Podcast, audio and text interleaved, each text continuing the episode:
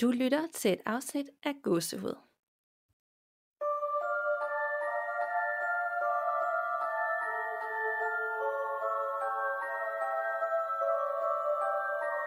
Hej Nana, Hej Danika. og velkommen til jer derude til episode 75. Det jo også sådan lidt en øh, milepæl. Det er jo sådan, ja. Hver gang er bare en milepæl for os. ja, det er det faktisk. Men 75, det er sådan en dejlig, øh, det er jo ikke et rundt tal, men det er jo sådan en stor... Ja, det er det. Det er det. Ja. Og måske fordi vi optager 14 dage, så føles det altid som om, når vi optager, så, så er det stort. Altså det er stort for Ja. os. og man når, fordi der er ikke, det er ikke en uge siden, det er ikke få dage siden, man når nogle gange sådan, blive sådan helt nervøs. Kan jeg nu huske, hvad det her det er gået på, og kan jeg overhovedet finde ud af at snakke? Ikke? Ligesom når man skal til eksamen. Det har jeg i hvert fald. Ja, det har jeg også lidt, og det er også, øh, det kan vi også godt afsløre. Vi sidder også lige øh, og repeterer, inden vi begynder at optage hver gang. Sådan, hvad er det nu, vi lige gør? Hvis tur er det til at gøre dit og dat og sådan noget.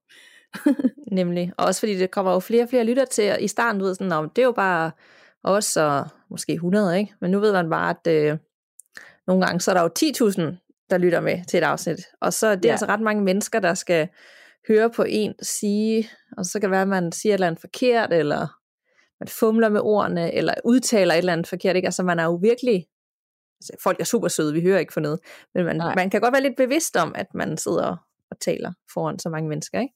Jo, og man vil bare rigtig gerne gøre sit bedste. Og det er jo bare os to, der optager nu, så der er jo ikke nogen, der lytter med nu. Så det er Nej. sjovt, at man alligevel tænker sådan, nej, det, det er lidt vildt. Ja, det er det.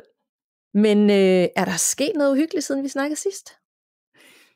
Der er ikke rigtig sket noget uhyggeligt, men øhm, jeg, har, øh, jeg har tilmeldt mig det her forløb hos øh, en klaverjant, der hedder Camilla Christensen, og hun har øh, et, øh, et, et, en, ja det ved jeg ikke engang, hvad man kalder det, hun har sådan en forretning inde i København, der hedder Soul Fitness, hvor man både kan gå til øh, yoga og, øh, og alt mulig træning, og så er der også øh, noget øh, reiki healing og clairvoyance og en masse andre ting. Virkelig, virkelig spændende sted. Og hun øh, har lavet det her kursus, hvor man så over fire onsdage kommer og lærer en masse forskellige ting inden for det spirituelle. Sådan noget med at manifestere, og man lærer om healing og om at finde tegn og, og, og aura spray og alle sådan nogle her spændende ting. Og så får man også to sessioner med hende, hvor man får noget øh, clairvoyance. Og øh, det var en ret vild oplevelse faktisk, fordi at øh, hun kunne sige nogle ret specifikke ting på både alder og udseende, og sådan med personer i mit liv, hvor, hvor sådan, okay, hvor, hvor pokker skulle du have kunne vide det fra? Så du er allerede Øh, i gang? Altså du er ja. startet? Ej, hvor Ja. fedt. Ja, det er super fedt. Øhm, og øhm, hver, hver onsdag, når jeg så har været der, så øh, har man selv skulle sådan intuitivt vælge, hvad for en plads man skal være på under kurset. Og så ligger der sådan et, øh, et orakelkort til en med en besked til en. Og det har været så altså, skørt spot on, det jeg har trukket hver gang. Så det, det er virkelig, virkelig spændende. Hvor, hvor er det vildt? Det lyder vildt spændende, og det er virkelig, virkelig sjovt, at du siger, at det er der, du går. Fordi da jeg var til den her rækkehealing i efteråret, Ja. det var ved hende, jeg var. Nå, ej, hvor sjovt. det var lige derinde, og det var ved hende, og hun er, hun er super god. Altså. Ja, ja, det er hun virkelig. Så du har nået at have de der øh, sessioner alene, hvor hun sådan ligesom tuner ind på dig. Den har fået øh, en af nu, og så tænker jeg, at øh, jeg sådan efter forløbet slutter af med den sidste der. Men altså, det var, altså, jeg var helt, wow, hvordan, altså sådan, det er alligevel vildt, at hun kunne pinpointe de der forskellige steder i mit liv så konkret, mm. at sådan, så føler jeg, at der er sket noget, eller det her her, sådan. Ja. Ja. Var der så noget af det, hun sagde, eller nogen, hun, det ved jeg ikke, om hun fik nogen sådan frem, altså nogle familiemedlemmer eller hvad, som ligesom stemte overens med noget af det, du tidligere har hørt, når vi har Ja. haft det. Ja, det var virkelig, virkelig, virkelig også sjovt faktisk, fordi at både øh, Janne og Louise har øh, sagt sådan, at der specielt er sådan en spirit guide, jeg har, som er sådan meget tæt på mig, og, øh, og som sådan virkelig er ivrig efter at fortælle en masse ting. Og det, øh, det fortalte hun også, så øh, nu er jeg sådan ret overbevist om, at det må være rigtigt jo. Ja, ja. Nu er der tre uafhængige af hinanden, der har, der har Ja. sagt det samme. Ja, Nej, hvor er det spændende. Hvor mange gange har du tilbage? Jeg har øh, to gange tilbage i aften, og så på næste onsdag, så, og jeg glæder mig helt vildt meget til i Hvor aften. er det cool, at du bare er hoppet ud i det, og tænkte, det vil jeg gerne blive klogere Ja. på. Ja, det er virkelig, virkelig fedt. Er der så noget, du kan, har tænkt, at det her, det tager jeg med derfra, eller det her kan jeg bruge fremadrettet? Altså tror du, det er noget, der kommer til at gøre en forskel i dit liv fremadrettet? Ja, det tror jeg, fordi at øh, sådan, i forhold til det her med at lære at manifestere, og lære at kigge efter tegn og sådan noget, jeg tænker, det er en meget sund måde at tænke på. Øh, det, det er sådan en meget sund måde at træne sin tankegang til at være lidt mere positiv og lidt mere mm. overbærende med sig selv, for eksempel. Sådan. Så det, det kommer jeg helt sikkert til at tage med mig. Hej, hvor skønt. Det kan være, at jeg skulle overveje det på et tidspunkt, hvis det er sådan noget, hun ja. kører en gang imellem. Det er det. Så det ja. Øh, skal du helt sikkert overveje. Wow, Nå, men det glæder mig til at høre mere om.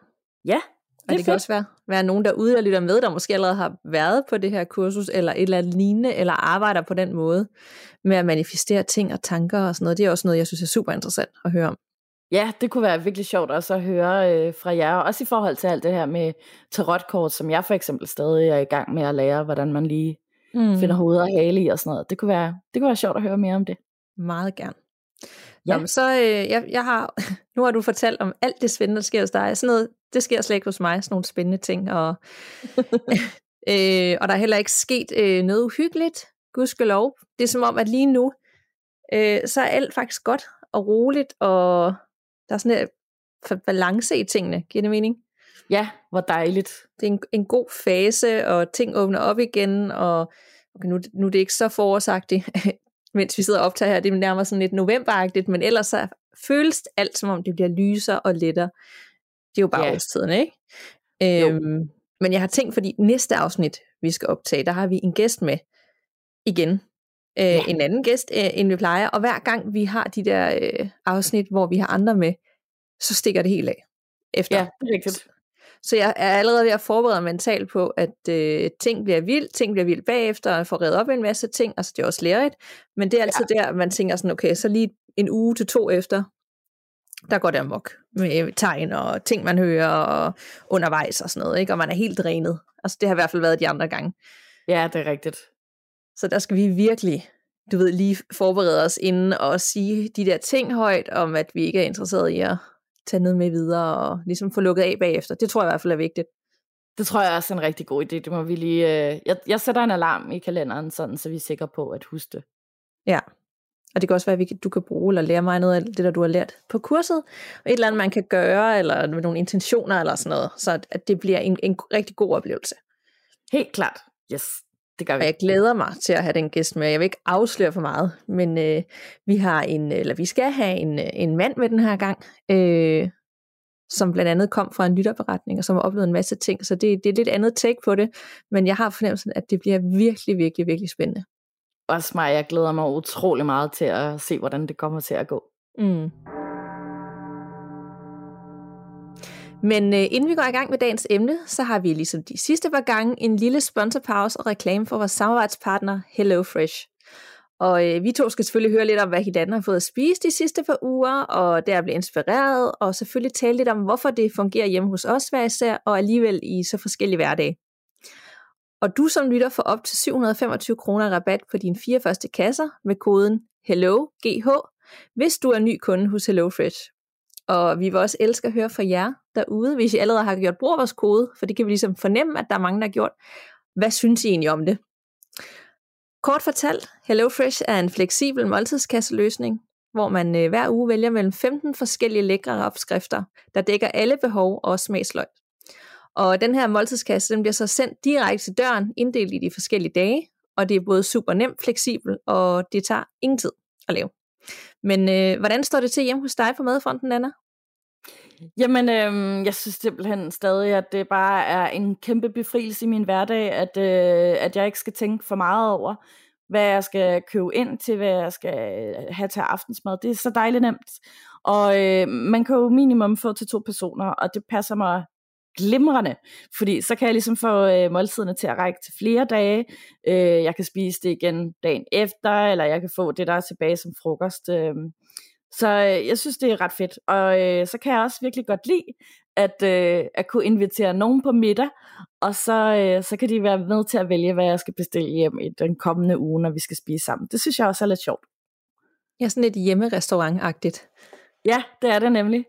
Hvad med dig? Har du fået noget godt at spise? Det har jeg. Øh, jeg er stadig meget inspireret af alle de der thai-retter, der er derinde, og jeg har faktisk også fået rigtig mange sådan nogle øh, pokeballs, du ved, hvor det er sådan Ja, mango og en masse gode grøntsager og dressinger til rigtig, rigtig meget frisk øh, mad og velsmagende mad. Øhm, og så går vi også ret meget efter, øh, jeg kan godt lide, hvis der er sådan et, et ikon, der står, det her det er virkelig en hurtig ret. Altså det er sådan noget, der Ja. virker på mig. Hvis det går hurtigt Ja. og nemt, det er de alle sammen, men der er jo nogen, der er hurtigere end andre, så, øh, så er det som regel sådan ret, jeg er bare klar på. ja, det er det samme her. Men for mig er den største fordel klart alt det tid, vi også sparer på det, og så, øh, og så var det, at jeg føler, at jeg får så god mad. Altså fordi det ville bare aldrig være tilfældet, hvis jeg skulle stå med madplaner selv og fikse det hele og være kreativ. Og øh, så vil jeg faktisk også gerne slå et slag for ingredienserne, fordi jeg har tidligere fået andre måltidskasser, hvor jeg ofte har været nødsat til at kassere den sidste ret, fordi det bliver dårligt til sidst. Det kan simpelthen ikke række. Og det har aldrig været tilfældet her, og det giver mere frihed til, hvornår vi skal have retterne i løbet af ugen, fordi der skal også være plads til spontanitet og du ved, takeaway og sådan noget. Ja. Så hvor mange dage får du egentlig til? Jeg får til øh, fire eller fem dage, alt afhængig af, hvor øh, travlt jeg ved, jeg får i løbet af ugen. Men jeg synes nemlig også, det er genialt, at, øh, at, man, at det er så afmålt, fordi man får rigtig mange krydderier med, og man får rigtig mange krydderurter med i maden, øh, så den nemlig bliver meget, meget, meget smagfuld. Ja. Det er virkelig fedt, fordi at, øh, det vil jeg nemlig heller aldrig nogensinde givet i hverdagen ellers, fordi så skal man ud og købe et hav af forskellige ting. Ja, og man vil måske slet ikke, altså jeg har slet ikke egenskaberne til at skabe den her smag og tænke i de baner, så det bliver meget det samme smag. Ja. Ja, det er rigtigt. Yes. Og øh, hvis du tænker, at du også derhjemme godt kunne tænke dig at prøve det her, og aldrig har prøvet Hello Fresh før, så øh, kan du øh, spare op til 725 kroner, og det vil altså sige, at du får 30% rabat på de to første kasser, og 10% rabat på de to næste, og det gør du ved at bestille med koden HelloGH med store bogstaver. God fornøjelse. Ja, og god appetit. Er du klar til, til ugens lytterberetninger? Det kan du tro, jeg er så spændt. Vi har jo helt glemt at sige, at det her det er faktisk et lytterberetningsafsnit, men det kan de jo ligesom se ud fra titlen, og hvis man følger med fast, ikke, så, så ved man det. Ja, rigtigt. Jeg har en, øh, en rigtig lang en her til at starte med. Tilpas uhyggelig, tilpas interessant, bare virkelig spændende. Så jeg håber, du sidder totalt klar med noget varmt i koppen og er klar til at blive skræmt. Yes, jeg er i hvert fald så klar. Og det er fra M. Kære Danika og Nana. Efter meget tænkende overvejelse skriver jeg til nu. Nej, jeg tager den lige forfra. Det er fordi, jeg var lidt noget lyd bagved. Jeps. Kære, kære Danika og Nana. Efter meget tænkende overvejelse skriver jeg nu til jer. Jeg har op til flere beretninger. Men først mine og min families beretninger, som kommer helt tilbage fra jeg var helt lille. Jeg er opvokset i en lille landsby nær Roskilde i et meget gammelt hus fra omkring 1800-tallet, som ligger skråt over en næsten lige så gammel kirkegård. Dele af huset er fredet og må ikke laves om. Jeg havde værelser på første salen, og første salen var delt i to værelser samt en lille gang, hvor den gamle møllertrappe gik op for stueetagen. Da jeg var helt lille, var der en lille gang, hvor trappen startede, og en hoveddør ud til gaden, og dette blev brugt som den fine indgang i gamle dage. De fleste af mine oplevelser foregår lige præcis her i huset. Mit værelse lå så til højre, når man kom op ad trappen, og der var et fint lille værelse med skråvægge og et enkelt vindue med udsigt til det store græntræ. De første minder, jeg har, er, at jeg som barn aldrig følte mig alene i dette værelse. Jeg brugte det stort set ikke frem til, at jeg blev 10 eller deromkring, for der var sådan en ubehagelig følelse i rummet, og i det hele taget på første salen. Min mor prøver at gøre mit værelse hyggeligt, så jeg kan begynde at bruge det lidt mere. Der var et gammelt indbygget skab, og det ryddede min mor op og lavede om til et indbygget skrivebord. Og alt imens blev der renoveret i hele huset. Og derefter var det som om, at der var en eksplosion af energier. Mit værelse begyndte at føles meget voldsomt. Jeg kan huske, at jeg altid var ked af det eller nedtrykt og hvileløs, når jeg var deroppe. Jeg følte mig konstant overvåget. Når jeg skulle sove om natten, var der et bestemt hjørne af rummet, der var mørkere end resten af rummet.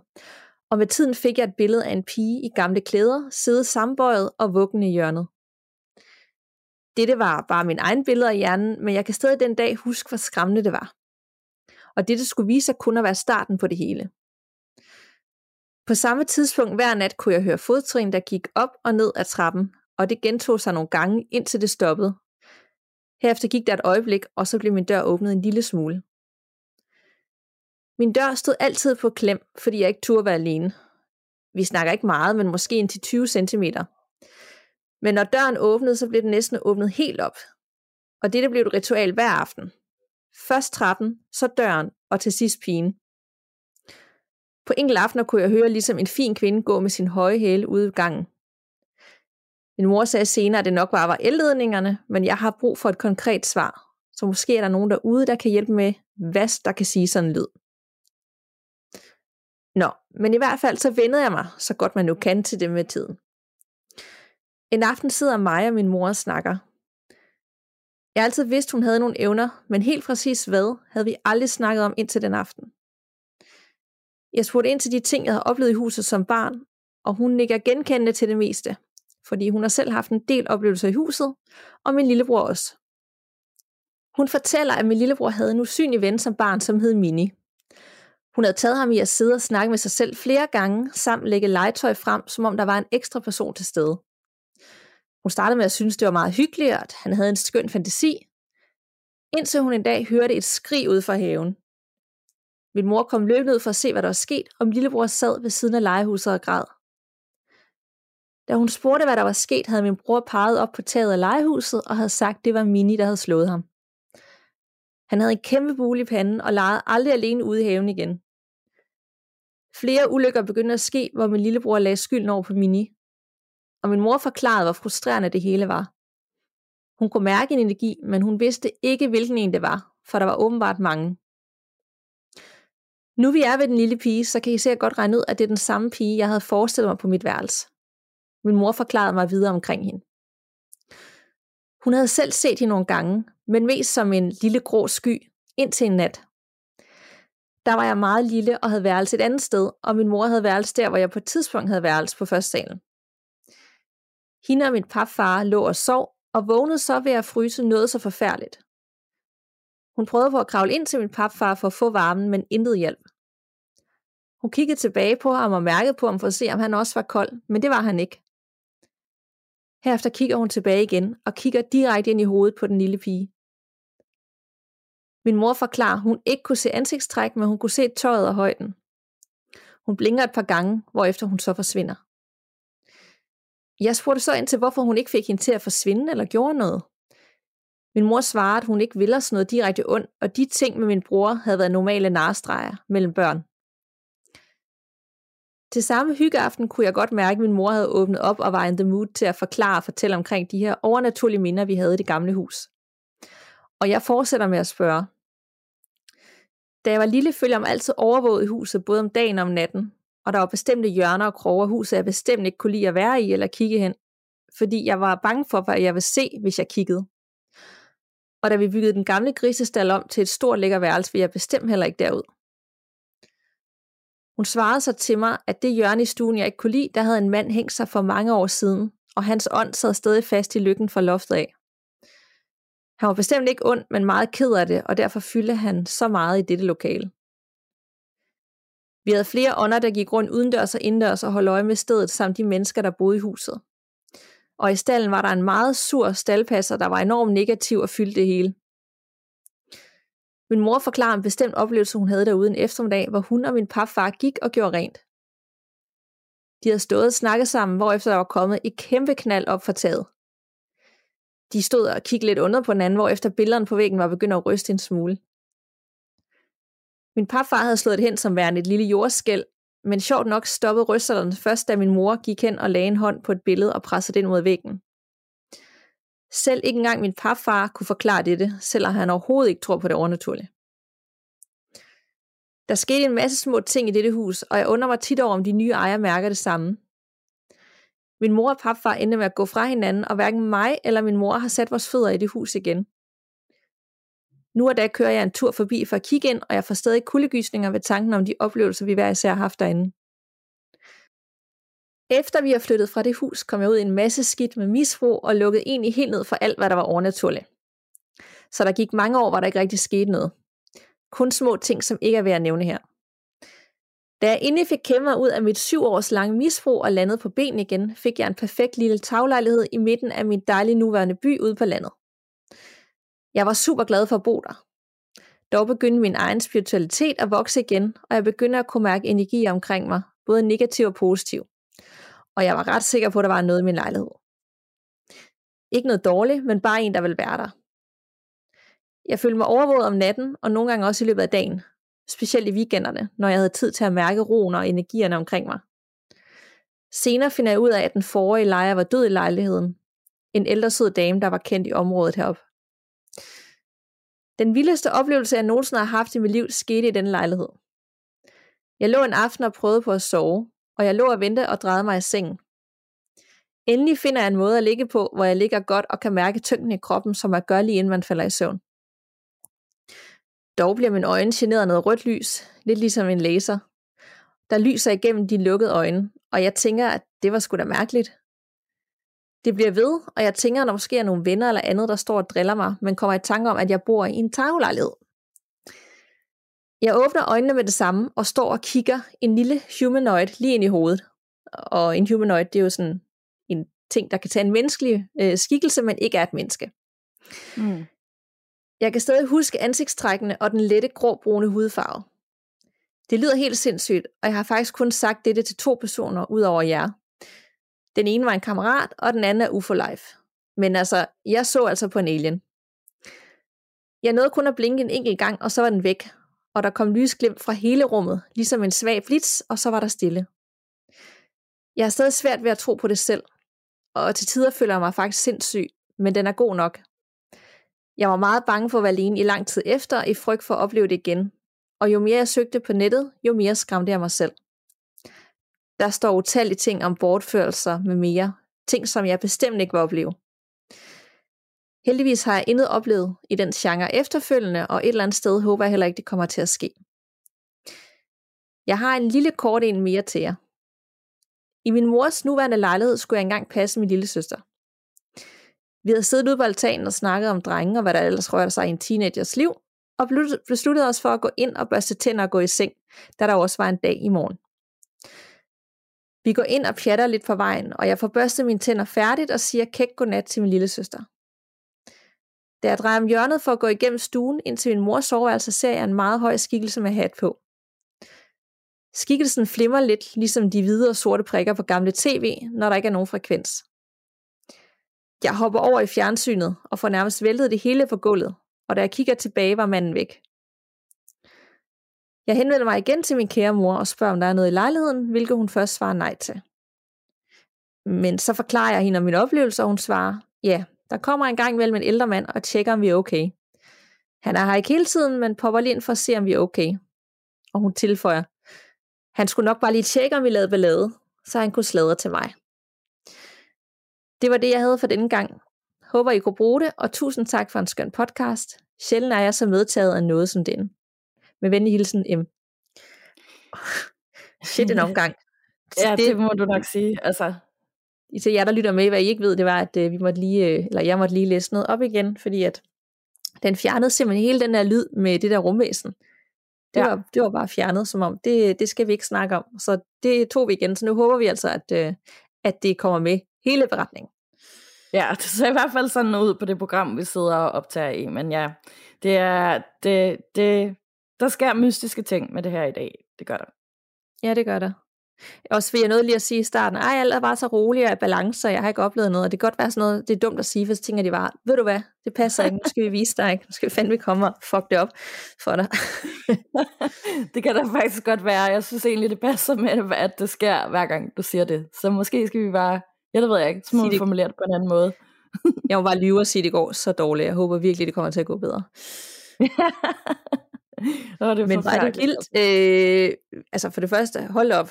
Det hus der, det, det lyder ikke behageligt. Jeg ved godt, at, at moren sagde, at det var umiddelbart ikke noget ondt, men jeg havde da ikke lyst til at være sådan øh, i et hus, hvor der nærmest, altså det lød sådan helt portalagtigt, så mange ånder der var. Ja, det synes jeg godt nok også var vildt. Også at, øh, altså at det her med, at man gør det på så mange forskellige måder, fordi at øh, vi er jo mange, der bare tænker sådan, det hus skal bare renses med det samme. Især med mm. ham, øh, den gamle mand, der havde hængt sig og, og havde sådan en meget trist energi. Ud, videre med ham, øh, rense ham ud af huset. Det er også synd for ham, at han bliver hængende. Sådan. Det, er meget, det, er, det er meget spøjst, at der er så mange forskellige holdninger til sådan, hvordan man gør ja. det, og hvordan man lever med det, ikke? Jeg også ham ude i stallen, som var mega aggressiv, og lød som om han slet ikke ville have, de var der, og jeg ja. fik altså heller ikke en god vibe af hende pigen der, der sad i hjørnet og sådan forbøjet og drillede lillebroren og slog ham og skubbede ham, ikke? Altså, det lyder da ikke som Nej. en... Jeg ved godt, børn er børn, men altså... Det er det ikke sådan en, man har lyst til at have hængende, heller nej.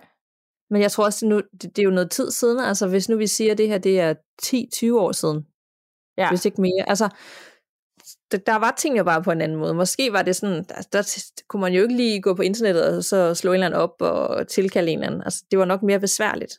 Og hvis man ikke ja. havde den samme viden om, hvad der, man skulle gøre. Det er selvfølgelig rigtigt nok. Man er blevet mere opmærksom på det nu. Ja, og det er ja. jo kun fordi, vi, vi sådan snakker så meget om det. Ellers hvis jeg bare overhovedet ikke beskæftiger med det og boede i sådan et hus, så er det heller ikke nødvendigt. Jeg vil heller, skal heller ikke vide, hvad jeg præcis skulle gøre. Nej, nej, det er selvfølgelig også rigtigt. Ja, så sådan et, det, det er bare huset, det hører ja, ja, men altså, man kan jo godt, altså jeg tænker da også, wow, det inden ja. jeg flyttede, eller så havde jeg, men det er jo nemt nok at sige her på den anden side. Men øh, ja. hvor det vildt, det der, øh, den der vilde oplevelse, hun havde i sin egen lejlighed. Altså det, er det første gang, vi har sådan en, øh, vi har haft nogle enkelte, hvor det har været noget lys og mærkeligt lys om natten, og lyd forsvinder og sådan noget. Men det er da første gang, vi har haft en beretning, hvor der er en, der har kigget direkte i hovedet på, på det, hun, øh, hun betegner som et rumvæsen eller alien. Ja, det, det kan jeg heller ikke huske, vi har før. Vi har, vi har haft nogle historier, hvor at sådan, det lyder som noget rumvæsenagtigt noget, med noget lys og mærkelige ja. ting, der er sket. Men, øh, men vi har aldrig haft nogen, der rent faktisk har set det før. Jeg vil virkelig heller ikke vide, hvis det var mig, der har haft den oplevelse, for jeg kan godt forstå, at man sådan lidt, det er som om, det er endnu sværere at forholde sig til en ånder. Så hvis man ja. har oplevet det, så må man jo være sindssyg, fordi er der noget galt med mig? Altså hvis jeg har set det. Ja. Øhm, men hvis man samtidig sådan, men det har jeg set, det vil jeg jo heller ikke bare sådan gå og lade, som jeg ikke har. Altså, man er Nej. vel ikke i tvivl om, hvad man har oplevet, om man er vågen eller ej. Så øh, jeg kan da godt forstå, at, at den her lytter er sådan et, det skete, men altså, jeg kan stadigvæk godt gå og prøve at bilde mig selv ind, at det ikke gjorde, men det gjorde det altså. Ja, ja, det er en svær situation. Jeg tror også, jeg vil, jeg tror, jeg ville have overbevist mig selv om, at det var en drøm. Ja, men jeg forstår godt, at, at lytteren er mere bange. Altså, at det her, det var en skræmmende oplevelse. Det ville også være en mere skræmmende oplevelse for mig. Ja. På en eller anden måde, fordi selvom at der, er, der nok er flere, der måske alligevel tror på, at der er, er, er hvad hedder det, mennesker på andre planeter, som godt kunne komme, og som er længere fremme og godt kunne besøge os. Ja. Altså det, øh, ligesom at vi bor på jorden, så bor der jo nok nogen på andre planeter. Ja, ja. Øh, men alligevel så er det sådan et, det er sådan helt filmagtigt på en eller anden måde. Ja, det er det virkelig. Det er, det, det, på en eller anden måde, så er det bare mere ubekendt end menneskespøgelser. Ja, jeg tror, ja. det er det, der gør det så uhyggeligt, ikke? Jo, men det er jo alligevel sjovt, at man, så, man vil hellere sådan, om følelser, det er rigtigt nok, men det her, ej, det, det, det kan ikke lade sig gøre. Et eller andet sted, ikke? Altså, hvor, hvor, hvor man har det frem. Jeg gad godt høre jer, der lytter med, hvad jeres holdning er til sådan noget. Er der nogen, der er sådan, jamen hvis man tror på ånder, jeg tror også på det, altså der faktisk tror på, at, øh, at der er andre, man kan vel ikke sige mennesker på andre planeter, men altså en eller anden form for liv andre steder, som kan komme ind i vores verden og på vores jord. Ja, det gad jeg faktisk også godt at vide. Eller om det sådan helt er alt for skørt og langt ude. Jeg tror jeg ved, på det. Jeg, ja. ja, det gør jeg nu. Ja. Jeg ved slet ikke, altså jeg, jeg ved ikke, hvad min holdning er til det. Nej. Jeg ved ikke nok om det, men altså, jeg, når jeg kan godt forstå, når folk oplever sådan noget, så bliver jeg sådan lidt, de vil jo heller ikke bare sige, ej, det passer ikke. Det kan jeg jo ikke bestemme. Nej, men det er det, altså, og det, jeg har det sådan, at når universet er så gigantisk, og de bliver ved med at finde nye eksoplaneter og galakser og sorte huller og radiosignaler, der bliver sendt fra et sort hul og sådan noget, så har jeg det bare sådan, okay, men så, man, ja, så, så må der simpelthen være noget derude et sted. Det må der bare. Ja. Men tusind tak for den meget spændende og uhyggelige beretning. Yes, virkelig. Er du klar til en fra mig? Det er Fedt. Den er fra Louise, og øh, vi har tidligere hørt fra hende, blandt andet i afsnit 55, hvor hun fortalte om sin datter, der ikke var særlig glad for hendes forældres gamle hund, som øh, spøgte i deres hjem. Og øh, i afsnit 45, hvor hun fortæller, at hendes søster vågnede hver nat kl. 12 minutter over to, hvilket var et tidspunkt, hvor en ung mand kørte sig selv ihjel. Mm. Og øh, hun har altså skrevet til os igen. Hej Nana og Danika. Her er lidt fra mig igen. Jeg har igennem hele mit liv haft en masse overnaturlige oplevelser, og eftersom de bare har været en del af min opvækst, så går jeg ikke og husker på dem alle. Men en gang imellem, og ofte når jeg lytter til jeres podcast, så kommer jeg i tanke om flere af de oplevelser, jeg har med i bagagen. Og det er derfor, I får tilsendt mine beretninger i små bidder og ikke i en lang mail. Den følgende historie forstår jeg dog ikke, at jeg ikke har sendt til jer før. For det er klart en af de mest uhyggelige, jeg har oplevet. Og den kommer her. Jeg er 35 år i dag, men for 20 år siden havde jeg et fritidsjob, hvor jeg gjorde rent i en SFO. SFO'en, eller fritidshjemmet som det hed dengang, holdt til en meget gammel rødstensvilla i tre etager, som tidligere havde været et mejeri. Det lå lidt afsides, og der var et godt stykke til nærmeste nabo. Eftersom det var et rengøringsjob, så mødte jeg først ind, når både børn og voksne var taget hjem. Så det var ofte mørkt udenfor, og jeg var som regel helt alene i det store hus. Jeg var egentlig ret cool med arbejdet til at starte med, men der blev bare ved med at ske ting, som jeg ikke kan finde en naturlig forklaring på. Jeg havde min sædvanlige rutine i huset. Jeg startede altid med at rydde op i puderummet, for derefter at hente støvsugeren. Det tog vel cirka to minutter at hente støvsugeren, men hver gang, og jeg mener hver gang, så var alle puderne væltet, når jeg kom tilbage. Hver gang. De første gange tænkte jeg, okay, det var da sært. Men efterhånden så blev jeg rimelig creeped out af det. For det var altså ikke sådan, så jeg stablede puderne højt, så de kunne vælte. Men det lignede simpelthen en eksplosion af en pudekamp, hver gang jeg kom tilbage i rummet. Føj, altså jeg får stadig kuldegysninger, når jeg tænker på det. Derudover så var der også mere reglen end undtagelsen, at jeg hørte nogen gå på trappen. Det startede altid med, at jeg hørte hoveddøren smække, og derefter kom der fodtrin op ad trappen. Det kunne ske flere gange i løbet af de timer, jeg var der. Og hver gang var jeg jo nødt til at gå ud og se, om der var nogen, men det var der ikke. Jeg oplevede også flere gange, at der ligesom var fodtrin inde bag murene. Det var så tydeligt, at der gik nogen.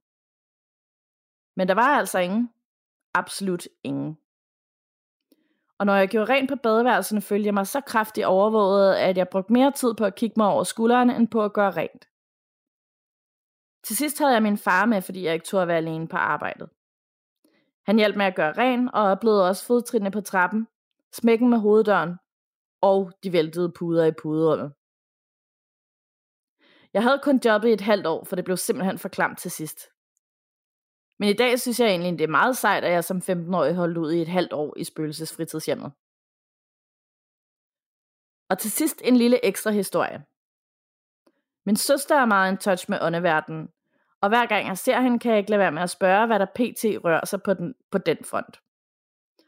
Forleden svarede hun, ikke det store lige nu. Vi har vist kun ét spøgelse boende lige for tiden, men jeg mærker ikke så meget til hende. Hun går bare og nynner lidt. Min søster sagde det så roligt og afslappet, men altså, jeg ved næsten ikke, om jeg kan komme i tanke om noget mere uhyggeligt, end at have et spøgelse boende, der går og nynner.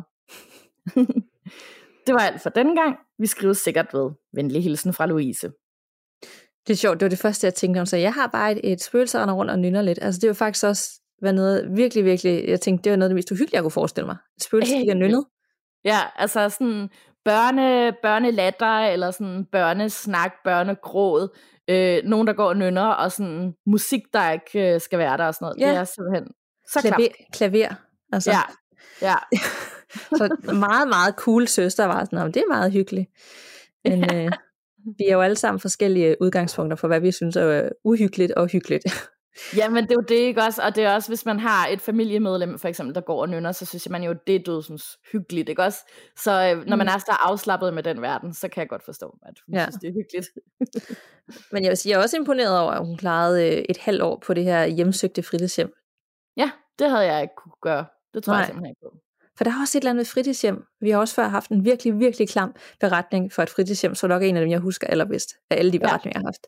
Med, med, hvor han jeg kan, der var en eller anden, der skulle åbne fritidshjemmet, eller en eller anden aftenklub, jeg kan ikke huske det, øh, hvor at, at lytteren hørte de der ben, eller en eller anden kravle hen over gulvet i mørket. Kan du huske den? Nej. Kan du ikke huske den?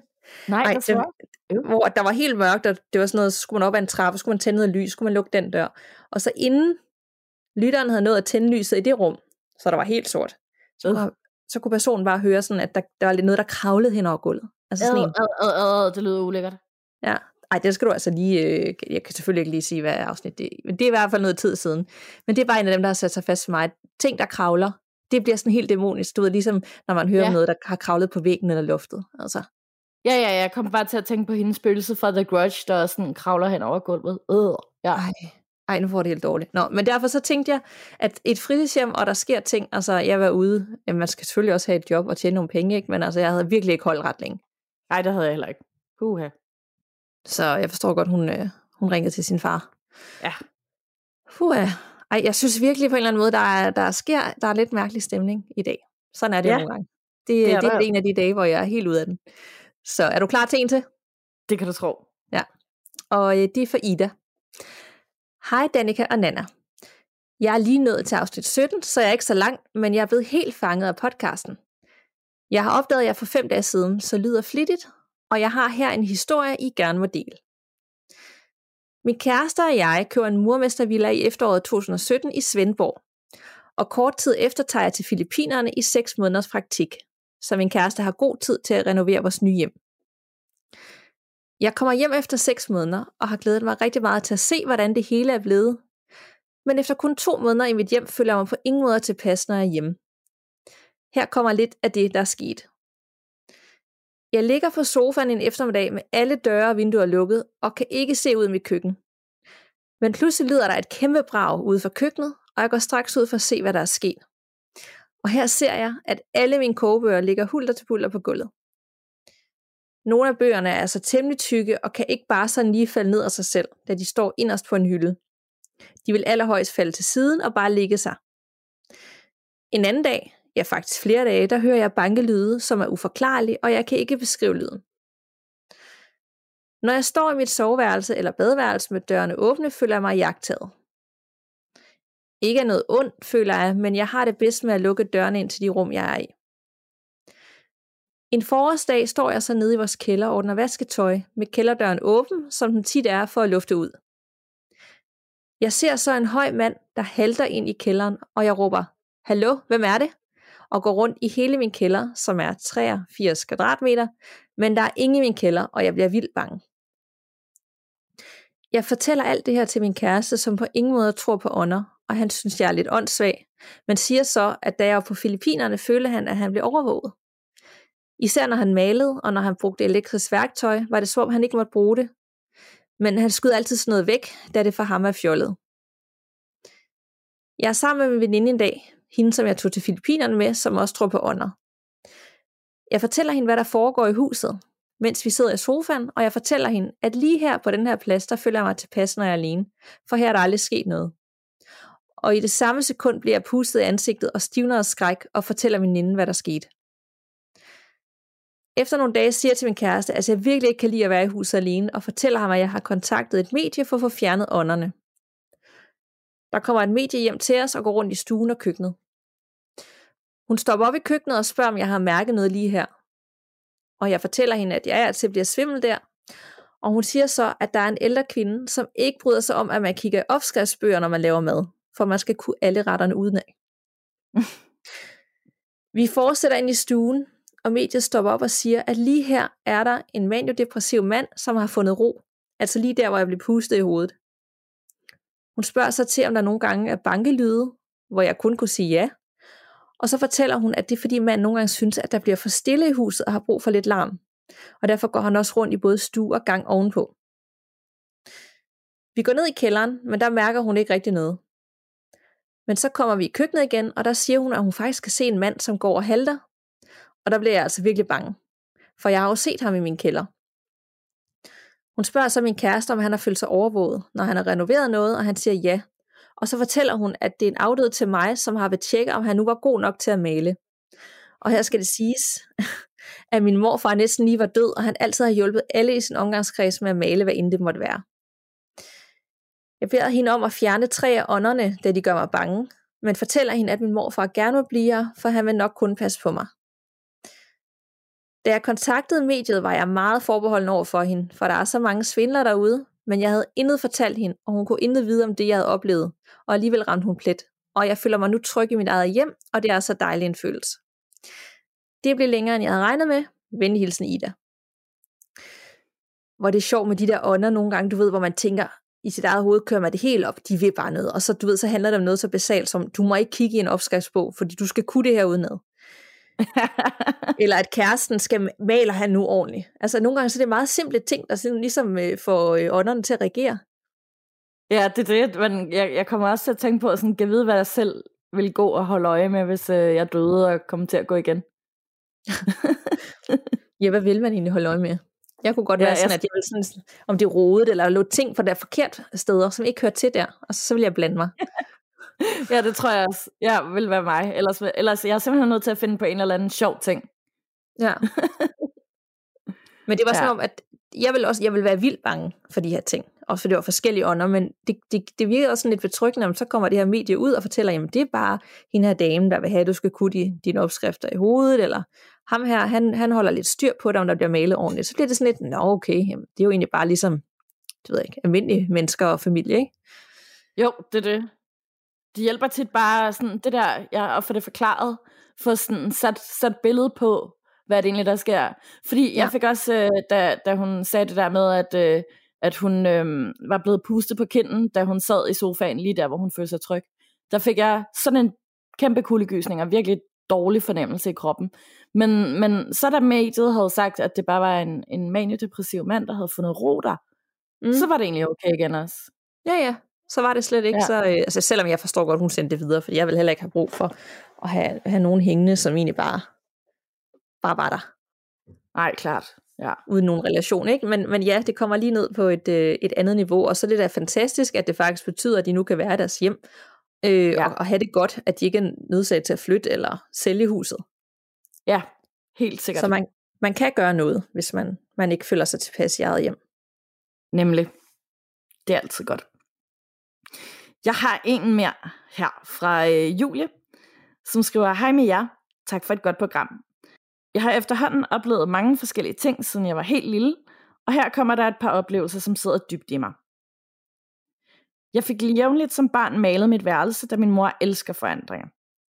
Den ene gang havde hun malet et indbygget skab, som man tit ser i de klassiske 60'er og 70'er huse, og ved et uheld så blev den øverste låge lukket i, inden malingen var helt tør. I det skab havde vi masser af spil, som vi jævnligt brugte som familie. Men efter det var blevet malet, så kunne vi ikke åbne det. Hverken jeg eller min far. Det sad bare helt fast. Tilbage i 2002 sidder jeg en lørdag aften og spiller driver på min Playstation på mit værelse. Ud af det blå åbnede lågen. Og jeg stirrede stift på skabet i lang tid, før jeg gik ind til mine forældre. De var begge to målløse, men nu kunne vi det mindste spille de mange gamle spil sammen igen. Min anden beretning foregår i 2006 eller 7. En eftermiddag efter skole er min far og jeg hjemme.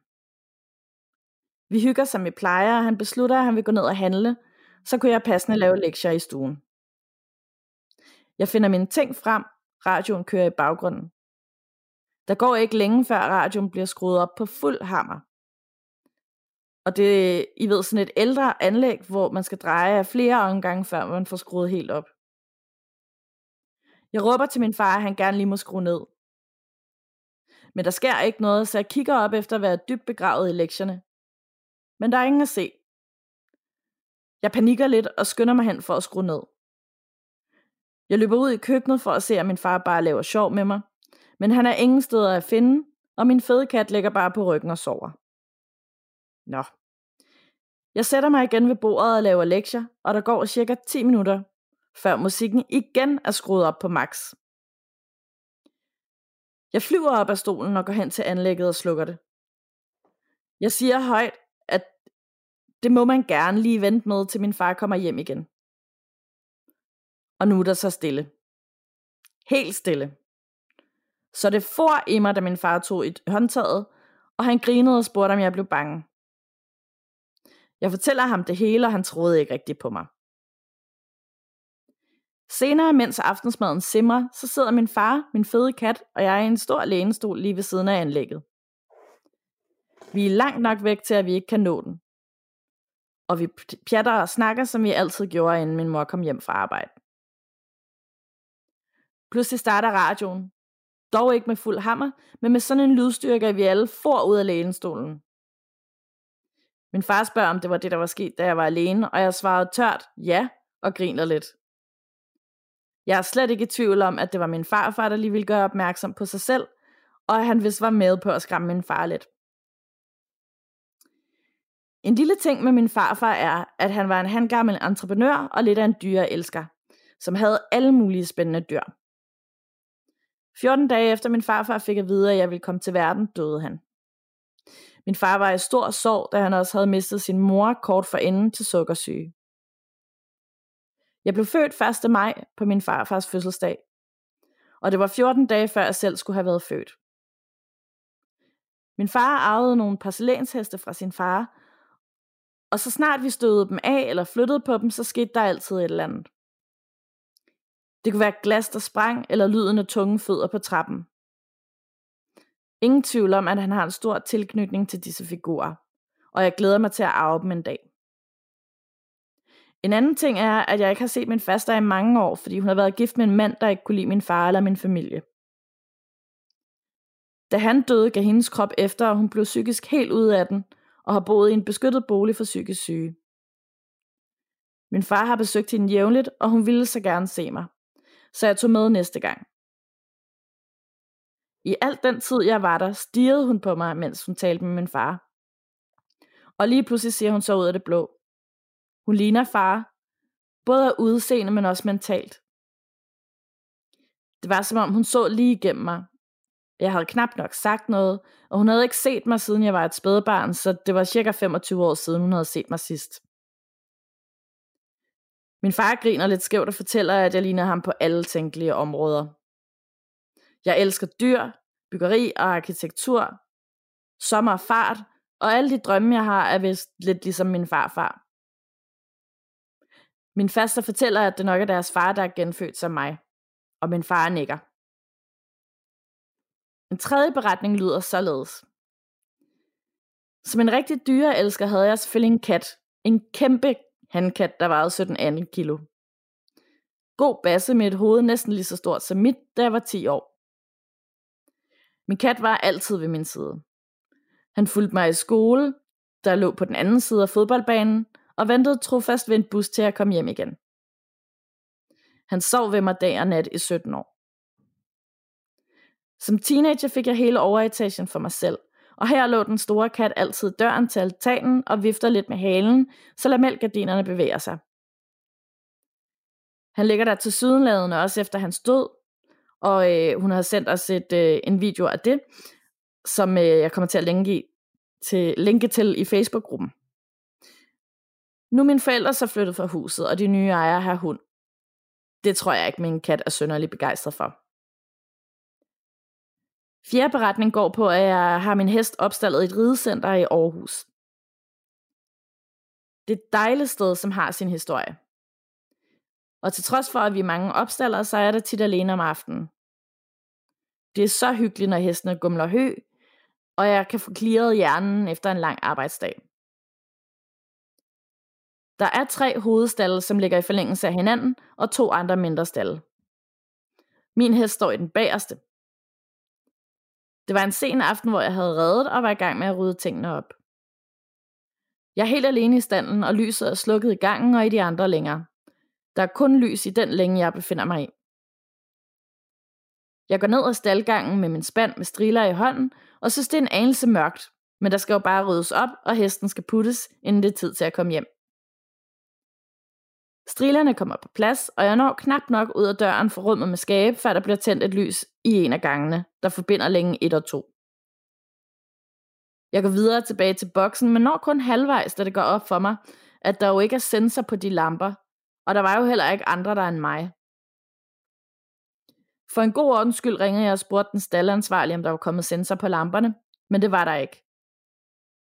Jeg skyndte mig ned for at putte hesten, og så skulle jeg ud af stallen hurtigst muligt.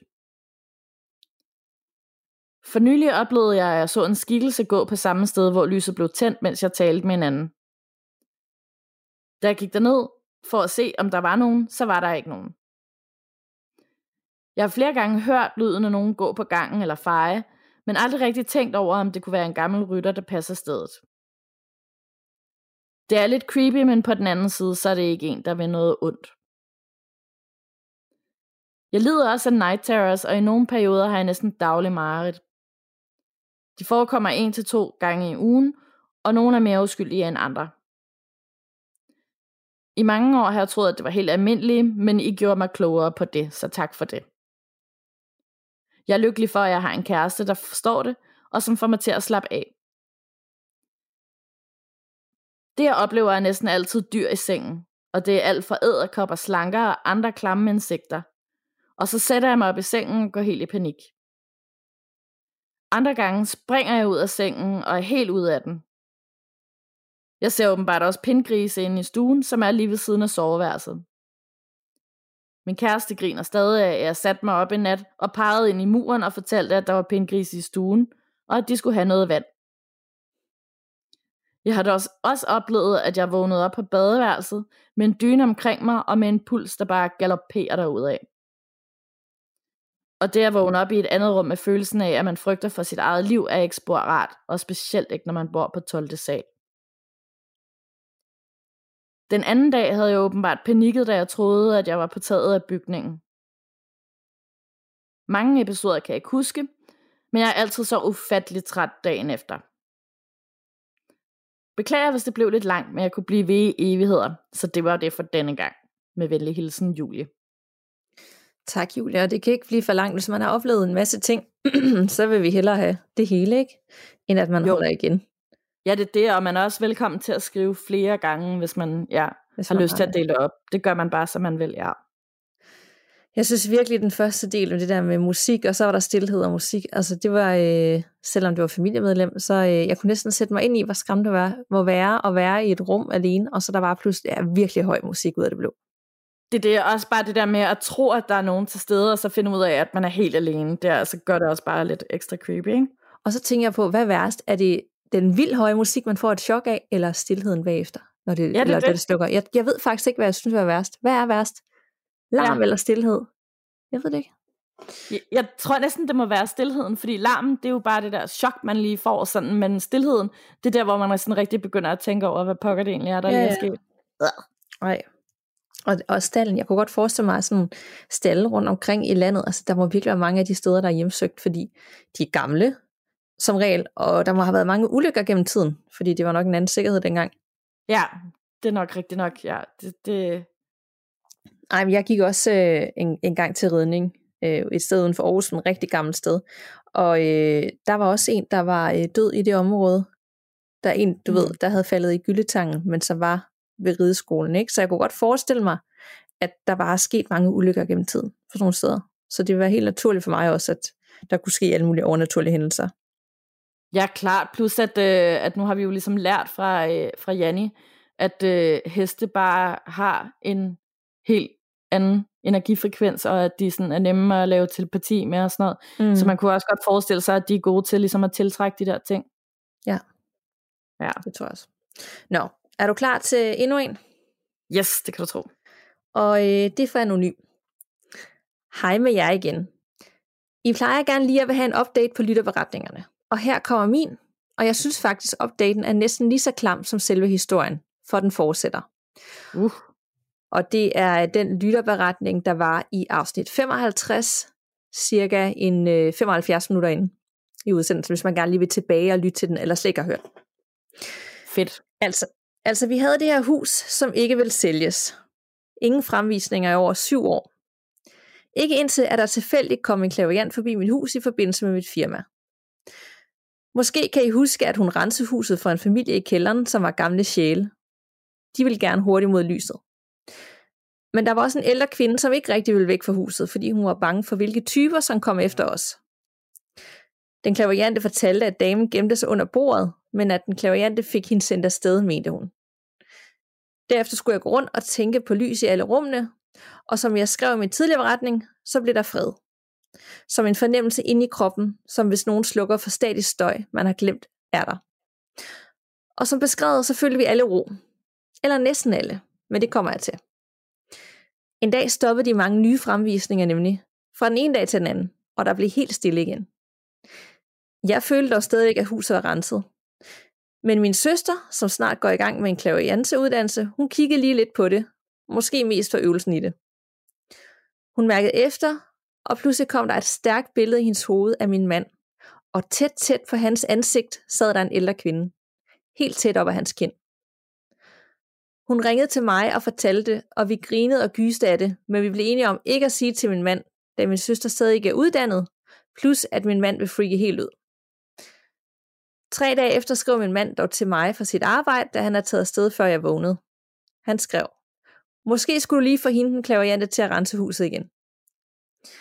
Jeg var lidt fraværende og svarede bare, at det er jo gjort, indtil jeg kommer i tanke om det, min søster fortalte. Så jeg ringer min mand op. Jeg fortæller ham intet om det billede med damen tæt på hans ansigt. Til gengæld fortæller han mig, og han er ellers ikke sådan en super alternativ type, at han om natten havde set en skygge stå i døren og stige på ham. Plus, at han samtidig aldrig havde følt, at den fornemmelse med, at han blev stiget på i badet, var gået væk, som jeg havde oplevet. Hmm. Da jeg fortalte ham, at det min søster havde set, øh, blev han bare så spugt. Vi blev enige med min søster om at prøve at fortælle damen, at det altså er min mand, og ikke hendes. Så det gik jeg og sagde i huset flere gange, og det må have lyttet komplet latterligt, men det var jo forsøget værd. Min mand han skulle gøre det samme, nemlig det, at han havde en kone. Og gæt hvad? Fremvisninger startede igen, og trumvivl, huset er nu solgt efter mere end syv år. Det er så rart, og vi føler os helt frie på flere måder. Det var lige en gåsehudsfremkaldende update herfra. Tak for et godt program, som jeg glæder mig til at lytte til igen, når der ikke er hjemmeskole hjemme mere. KH mig. Og det var tilbage for nogle måneder siden, hvor man altid havde sine børn hjemme i skole. Ja. skole. Øh, jeg kan godt huske den beretning. Ja, også mig. Den er egentlig, står egentlig meget klart i mit hoved, fordi det var bare lidt creepy, og jeg kan netop huske en dame der, der gemte sig under bordet, og, og var lidt sværere at fjerne, øh, men at hun så blev fjernet, men det gjorde hun så ikke, desværre. Øh, Nej. Men hun har jo nok bare været sådan ret fascineret af, af dem, og især manden, ikke? Og det der med, at hun havde klædet sig sådan helt op, han sad, eller hun sad helt op i kinden på ham, når han var hjemme. Det synes jeg virkelig er ulækkert at tænke på. Ad. Det minder mig lidt. Har du nogensinde set Shutter? Gyseren Shutter? Ja, øh, ja. Ja, der hvor hun altid, hvor han har ondt i skulderen og ryggen og sådan, åh, hvad er det, der driller? Og så er det fordi, at der sidder den her ånd på hans skulder med benene over, ikke hele tiden. Ja, det er virkelig klamt. Ja, altså det er ikke helt det samme, ikke? men den der med, at de er så tilknyttet til et menneske, at de nærmest sådan er helt klippet til. Altså de sidder bare fast for en. Ja, det er virkelig en ulækker tanke. Altså en ting er, at de er i nærheden, men at være så tæt på en. På ting at få den besked øh, fra sin kone. Jamen, jeg har faktisk snakket med min søster, og hun siger, at øh, der er en, der sidder helt fast på dig. Helt op ja. i din kendt. ja. det er ikke lige den besked, man har. Okay, nå. No, Og, og jeg kan godt se det for mig, at man føler sig sådan lidt latterlig, man går rundt der i alle rum. Det er min mand. Det er min mand. du skal holde dig væk. og han skal gøre det samme, ikke? Det var virkelig sådan et, ej, okay. Ja, stakkels ja. forelsket kvindespøgelse. ja. Åh oh. oh, ja. Nå, har du en sidste til os? Ja, det kan du tro. Jeg har en her fra Trine, som skriver, hej gåsehud. Tak for en skøn podcast. Længe har jeg tænkt, at jeg aldrig selv har oplevet noget overnaturligt. Ingen zoneparalyse, ingen skabe, der åbner sig selv, ingen pludselig kulde eller andet lignende. Og det på trods af, at jeg bor et sted, hvor der måske burde kunne ske en masse, men mere om det senere. I slutningen af 8. klasse havde jeg en seriel dagdrøm over et par dage. Jeg skulle til Sverige på kanotur med spejder i starten af sommerferien. Jeg kan ikke huske det præcis, men i hvert fald finder jeg sammen med en på turen i drømmen og bliver gravid, og må kæmpe for at få lov til at beholde barnet, som er en pige. Selvfølgelig sker intet af dette under turen. Men da jeg så vender tilbage til skolen efter sommerferie, fortæller en af pigerne fra min klasse, at hun er blevet gravid. Og efter hvad jeg kan regne ud, så er hun blevet gravid i den uge, jeg var på kanotur. Hun vælger at beholde barnet, og hun må kæmpe for at få lov til at beholde det. Det bliver en dreng. Den dag i dag forstår jeg stadig ikke sammenfaldet. For det var ikke en, jeg snakkede særlig meget med. Den eneste forbindelse, jeg havde til hende, udover at vi gik i klasse sammen, var, at jeg var gode venner med hendes kusine. Da jeg er 16-17 år, har jeg en god ven, og vi har det med at spille kort, ofte spillet krig. Hvis han for eksempel vender en træer og siger noget med, at den her vender jeg, så kunne jeg godt finde på at sige, ja ja, nu vender jeg så en klør 2, uden at have set kortet. Og hvilket kort vender jeg så? En klør 2. Og vi er begge meget forbavset over det. Jeg prøver mere bevidst at forudsige, hvad jeg vender, men rammer forkert. Men det sker alligevel en gang imellem, at jeg får forudsagt, hvilket kort jeg vender. Jeg har ære til at også oplevet at spille Rummikop, og så har jeg en fornemmelse af, at en af de brikker, brækker jeg mangler, ligger lige over i det hjørne med brikker. Jeg har engang prøvet at spille ånden i glasset. Det var imens jeg gik på højskole, og vi var i slutningen af opholdet. Jeg kan ikke huske, hvem jeg spillede med, for det var så vidt, jeg husker ikke nogen af dem, jeg normalt gik sammen med. Der var løbende ved at blive skiftet glas ud på skolen, når vi spillede med nogle af de gamle glas. Første del går jo med at finde ud af, om der er nogen osv. Men på et tidspunkt får vi vel for en af os vel spurgt ind til, om der er en besked til en, eller noget i den stil. Og så får vi at vide, at der er en besked til mig, og at det er en advarsel af en art, om at jeg vil komme ind i en træls periode. Men samtidig bliver der en masse uro i lokalet, og der kommer folk ind udefra. Så jeg finder aldrig ud af, hvad beskeden konkret kommer til at gå ud på. Og som jeg husker det, så får vi ikke afsluttet spillet ordentligt, eller smadret glasset. For hver gang jeg er kommet tilbage på højskolen sidenhen, så har jeg altid undgået den type glas.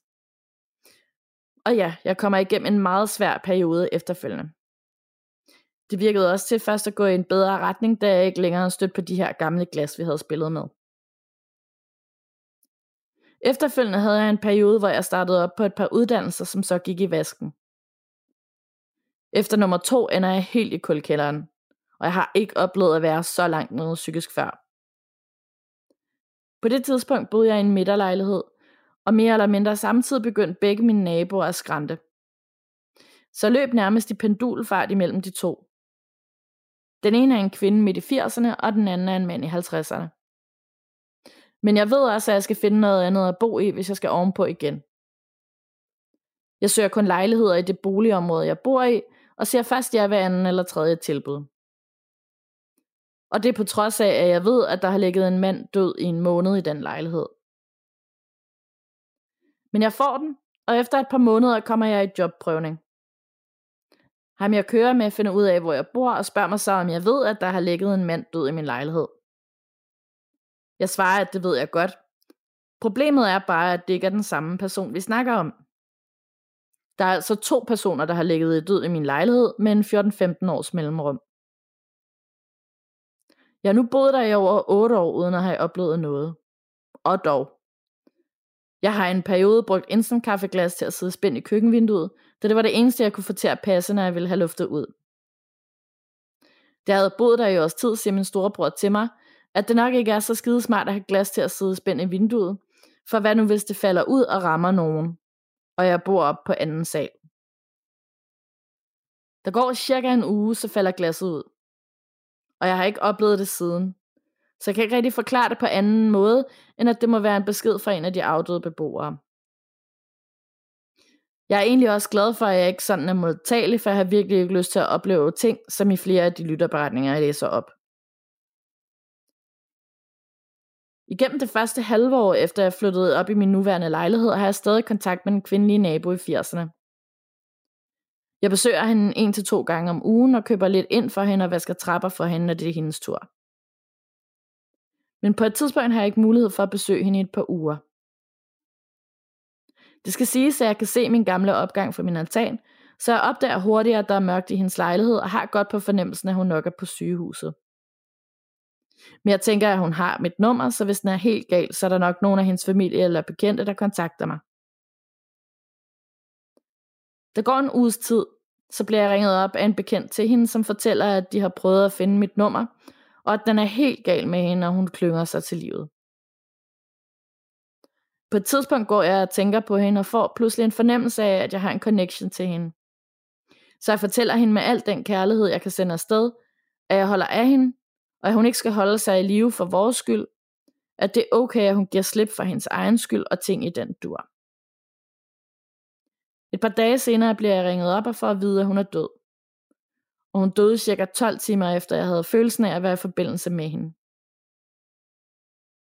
Beskeden får jeg en fredag, og lørdag formiddag får jeg så en besked fra samme bekendte om, at den anden tidligere nabo også død. Den eneste reaktion, jeg havde, var, hold da kæft. Og lige en sidste ting. I det perioder, jeg har haft det sværest, og nærmest været ved at opgive og miste troen på, at jeg vil få styr på uddannelse, arbejde osv., så har jeg haft en fornemmelse af, at jeg vil dø som 32-årig. Og som I vist har, har haft op af vennen, så kan det jo så kan de energier, man opfanger, godt virke onde eller negative. Og hvad skete der så i det år? Jo, det er faktisk alt andet end negativt.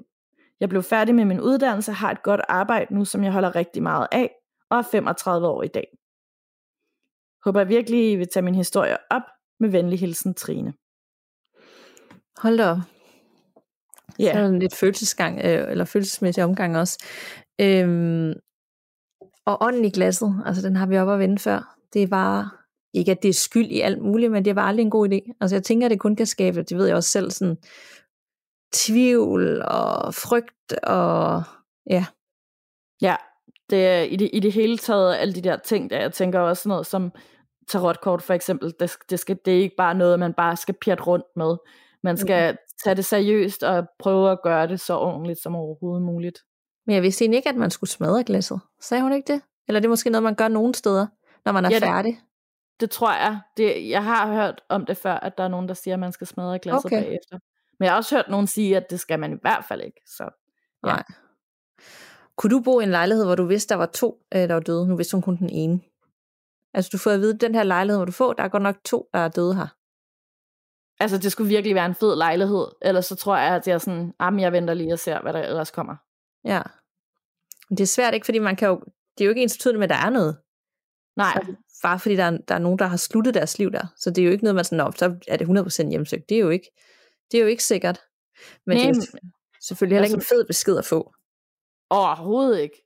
Min far, min far ved, at der er den, den lejlighed, han bor i nu, den sidste, der boede i den, døde også i den lejlighed.